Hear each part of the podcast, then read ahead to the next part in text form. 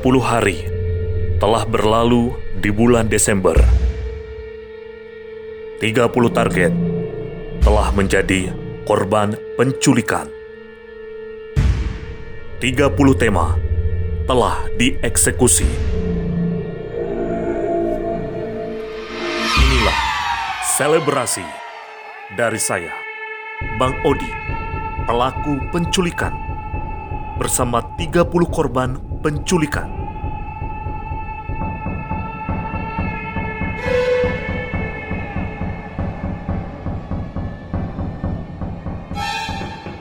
Kami persembahkan untuk 30 hari bersuara 2020.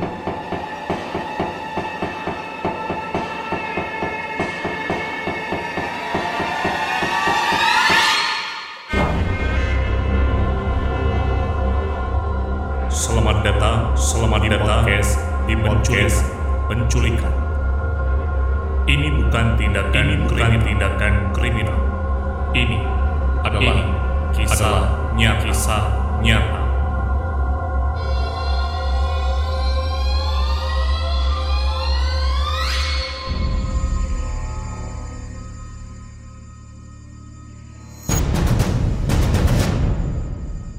Nah, ada apa-apa saja. Pertama berterima kasih karena sudah diberi kesempatan untuk mengisi podcastnya Bang Odi. Wak- Waktu dikasih contoh tentang sound-soundnya memang benar-benar seperti diinterogasi di sinetron-sinetron atau di film-film yang saya lihat gitu. Tegang ada perasaan tegang. Eh, awalnya kaget ya karena nggak ada pernah nanyain kabar eh, ini itu ini itu eh, nggak pernah lihat-lihatan status cuma lihat paling eh, di story aja oh Odi lagi bikin podcast nih ini kemarin juga sempat melihat Odi menang di podcast ya kalau nggak salah. Terus tiba-tiba ujuk-ujuk malam-malam WA Assalamualaikum cuy cuy ada kabar hah apa nih? gitu. Aku interview dong tentang apa? gitu. Karena kalau ngebayangin tentang Audi tuh kayaknya pasti serius gitu. Kalau mau ngajakin ngobrol jadi deg-degan gitu mau ngomongin apa. Kalau mudah-mudahan sukses terus podcastnya makin senang makin ke sini banyak orang-orang yang berkarya termasuk teman-teman deket saya kayak Odi juga.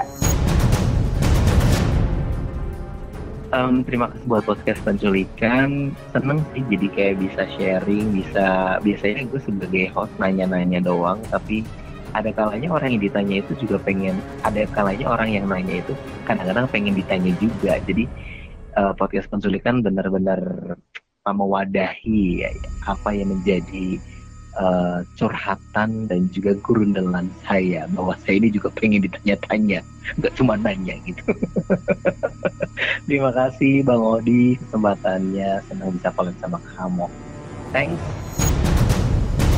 ini podcast yang menurut saya agak agak aneh karena saya kenal Bang Odi, Bang Odi tidak seperti itu, dia tidak punya jiwa orang yang menculik dan kemudian mene- menekan orang secara provokatif. Jadi buat saya agak sedikit aneh meskipun saya ini lebih enak karena Bang Odi memberikan pertanyaan terbuka sehingga narasumber bisa mengeksploitasi apa mengeks- mengeksploitasi semua tanggapan-tanggapan atas pertanyaan-pertanyaan Bang Odi. Ya semoga ini jawaban-jawaban narasumber benar-benar menjadi kunci karena Bang Odi menahan diri untuk tidak memberikan pendapatnya tapi hanya memantik narasumber untuk mengatakan apa yang sebenarnya dirasakan oleh narasumber.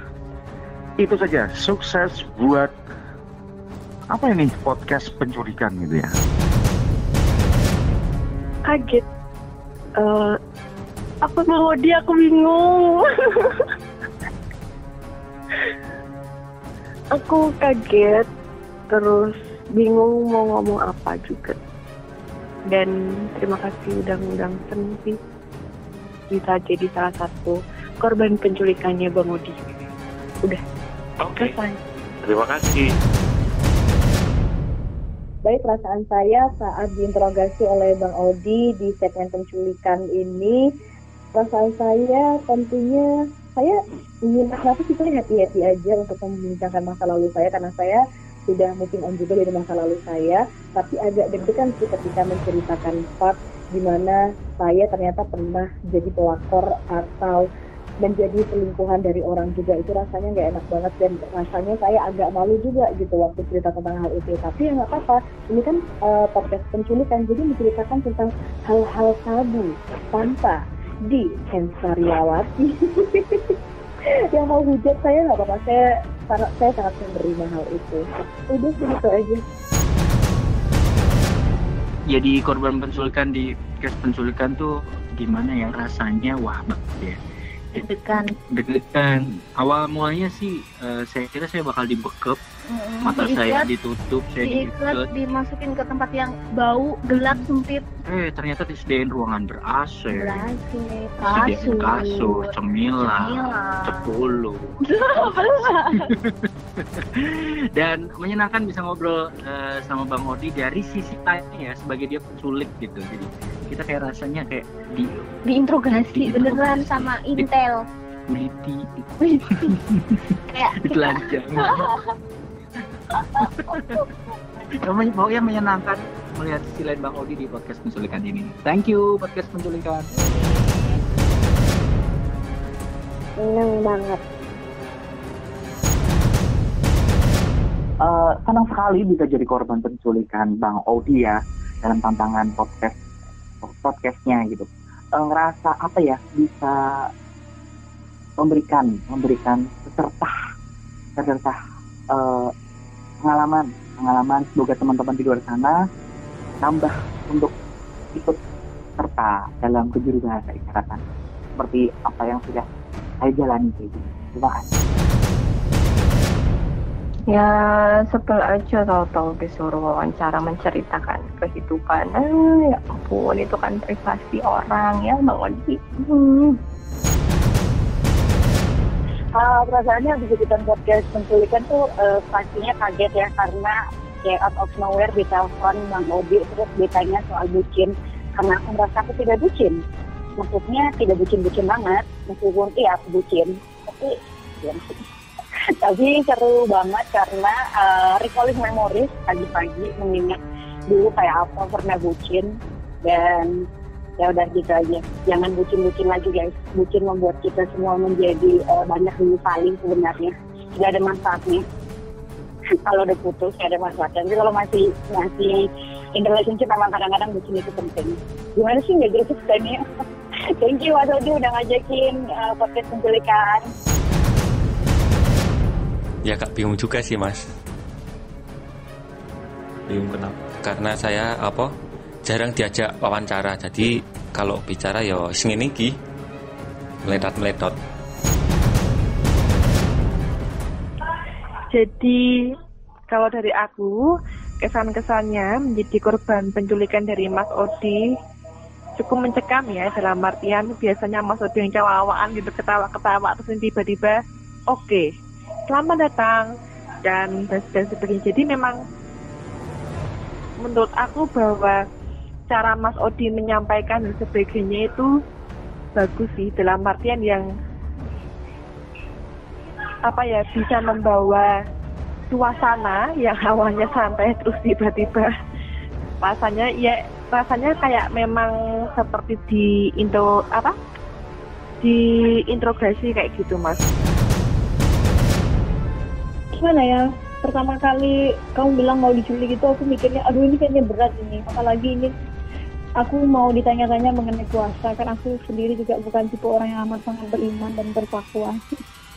Jadi waktu awalnya itu ya wah dulu aku nanti ditanya apa ya sama si Dodi ya ternyata memang ini lebih kepada yang aku jalani ya. Jadi aku bisa berbagi terus akhirnya aku juga tahu oh ternyata ada persamaan nih sedikit antara cara aku menjalani puasa dengan caranya si Dodi menjalani puasa seperti itu. Ya, jadi um, aku Wahyu habis diculik sama Kak Odi di podcast penculikan. Rasanya deg-degan, beneran deg-degan. Mau ngomong aja tuh takut. Terus kayak ya itu deg-degan banget sih di rasanya kayak emang diculik gitu yang nanya juga kayak penculik gitu jadinya agak takut dan deg-degan Aduh, aku jadi korban penculikannya Bang Odi. Tegang, Po. Karena yang gua tahu eh, biasanya kalau gua ngobrol sama Odi kan santai ya. Tapi gara-gara sok-sokan diinvestigasi jadi jadi tegang hawanya. Padahal ngomongin tentang liburan, tegang kan kurang enak. Kecuali liburan ada tegang-tegang yang lain. Misalnya tarik tambang itu tegang ya. Oke, kesan dan pesan setelah menjadi korban penculikan ya di sini. Rasanya itu gimana ya? Kalau biasanya orang diculik itu kan kesel ya, jengkel ya. Kalau ini aku malah bahagia loh. Karena eh, aku bangga banget bisa diwawancarai langsung sama Bang Odi, tercinta ya dari podcast penculikan. eh ini kaget sih ada podcast seperti ini tuh yang bawa apa vibes yang berbeda daripada podcast podcast yang lain gitu jadi harus banget nih didengerin harus banget di mungkin kalau ada ada visualnya bisa langsung ditonton juga lah pokoknya kita harus support nih. Ini karya anak bangsa yang yoi mute ya. Sukses ya podcast penculikan. Jangan lupa makan. Dan jangan lupa nonton nyicip ngobrol penak? Eh salah. Ngobrol sambil icip-icip. Kebanyakan program nih. Perasaannya pertama kaget. Karena tiba-tiba jadi tidak ada persiapan sama sekali. Eh, jadi mungkin eh, aku sendiri ngerasa jawabanku mungkin kurang maksimal sih. Cuma aku senang banget karena dipercaya sama Pak Odi buat jadi narasumber dan ini tuh eh, the first time aku jadi narasumber kayak gini. Terima kasih banget buat Kak Odi udah percaya sama aku. Ya ampun, lihat kaget banget loh tadi tiba-tiba Bang Odi WA dan uh, lihat kira ada masalah apa, ada apa Bang Odi kena apa, minta tolong. Eh ternyata suruh apa minta tolong untuk podcastnya Bang Odi. Kaget loh, shock loh Lia ini. ya ampun, nggak nyangka, tak kirain ada apa-apa, ternyata siaran buat podcast. Eh, awalnya sih agak kaget karena kan podcast apa nih maksudnya gitu kan. Cuman karena Kak Odi menjelaskan dengan detail jadi oh ya kayak sharing. Oke jadi apa oh oke oke aja gitu kan. Toh nanti pasti juga eh, akan sedikit banyak ngasih pengetahuan lebih untuk teman-teman yang mendengarkan gitu kan tentang apa sih yang ada di balik tim liputannya bapak sama ibu datang satu gitu kan jadi eh ya niatnya untuk sharing aja sharing Yo, intinya senang aja lah kak. Ini bisa ngobrol bekal jadi pokoknya aku seneng banget. Kesanku selama menjadi korban penculikan adalah awalnya aku grogi, takut. Kalau misalnya aku bakalan diapa-apain gitu kan. Tapi ternyata nggak sih cuma diinterogasi aja. Buat podcast penculikan, semoga ke depannya hmm, sukses. Terus kalau misalnya ada korban penculikan yang lainnya, di ini dong apa uh, dikasih dikasih makanan dong atau minuman gitu kek masa korbannya kagak dikasih apa-apa Oke, saya Tarik Kamaludin. Tadi sempet ah dikulik-kulik sama podcast penculikan. Terus sebenarnya saya bingung kan dibilangin. Saya ngobrol tentang mantan. Tapi pertanyaannya kok sama karakter yang ditanyakan oleh penanyanya. Itu kok ternyata beda sama karakter asli saya kan kaget dong. Saya kayak pikir ini yang nanya siapa sebenarnya? Jadi yang tadinya saya kenal dengan penanya terus tiba-tiba saya ngerasa nggak kenal jadi orang asing. Terus akhir di akhir-akhir podcast saya seperti agak formal agak sopan. Padahal di depan saya sempat ingin ketawa-ketawa. Ya paling itulah testimoni saya tentang podcast penculikan kali ini. Gokil lah pokoknya. Saya nggak nebak gimana cara dia mengulik-ngulik saya. Takut. Takut banget. Terus di jadi kesannya benar-benar seperti diculik diinterogasi sebagai korban penculikan saya malah lebih berterima kasih sekali karena dengan diculik otomatis tidak ada penculik yang tidak mempelajari korbannya. Terima kasih saya sudah diculik dan saya berharap bisa diculik kembali. Terima kasih Bang Odi. Benar-benar tegang dan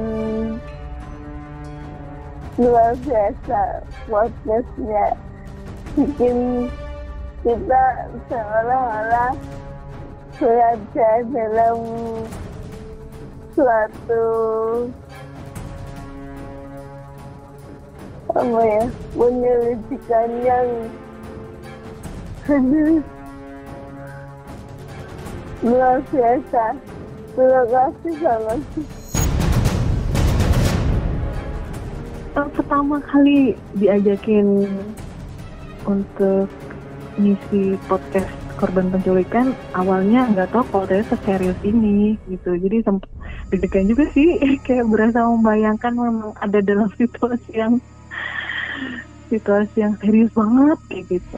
Tapi ya keren sih podcastnya jadi bisa saling berbagi cerita juga kan. Cerita itu juga adalah sebuah metode penyembuhan diri juga sih buat para orang-orang yang survive dalam permasalahan mereka masing-masing kayak gitu. Sukses buat podcastnya, semoga banyak yang terhibur, banyak yang juga terinspirasi dengan podcast ini. pertama ya kesan-kesannya adalah pertama kaget bingung gitu apa ini kok jadi eh, jadi apa namanya penculik di podcast penculikan eh bukan penculik jadi korban penculikan nih. Aku bakal diinterogasi apa nih sama podcasternya nih? Oh ternyata eh, kita sharing dengan cara diinterogasi sama eh, podcaster gitu. Eh, kesan-kesan saya setelah diinterview oleh podcast penculikan tentunya menjadi sebuah pengalaman berkesan di mana ini pertama kali saya diinterview oleh orang lain. Eh, maksud saya orang-orang yang di luar sekitar kita selain sekolah atau keluarga atau teman. Dan tentu tentu bukan hanya karena pertama kali di interview tetapi juga mendapatkan pengalaman yang unik di mana kita merasakan di mana interview seperti korban penculikan di hadapan para saksi-saksi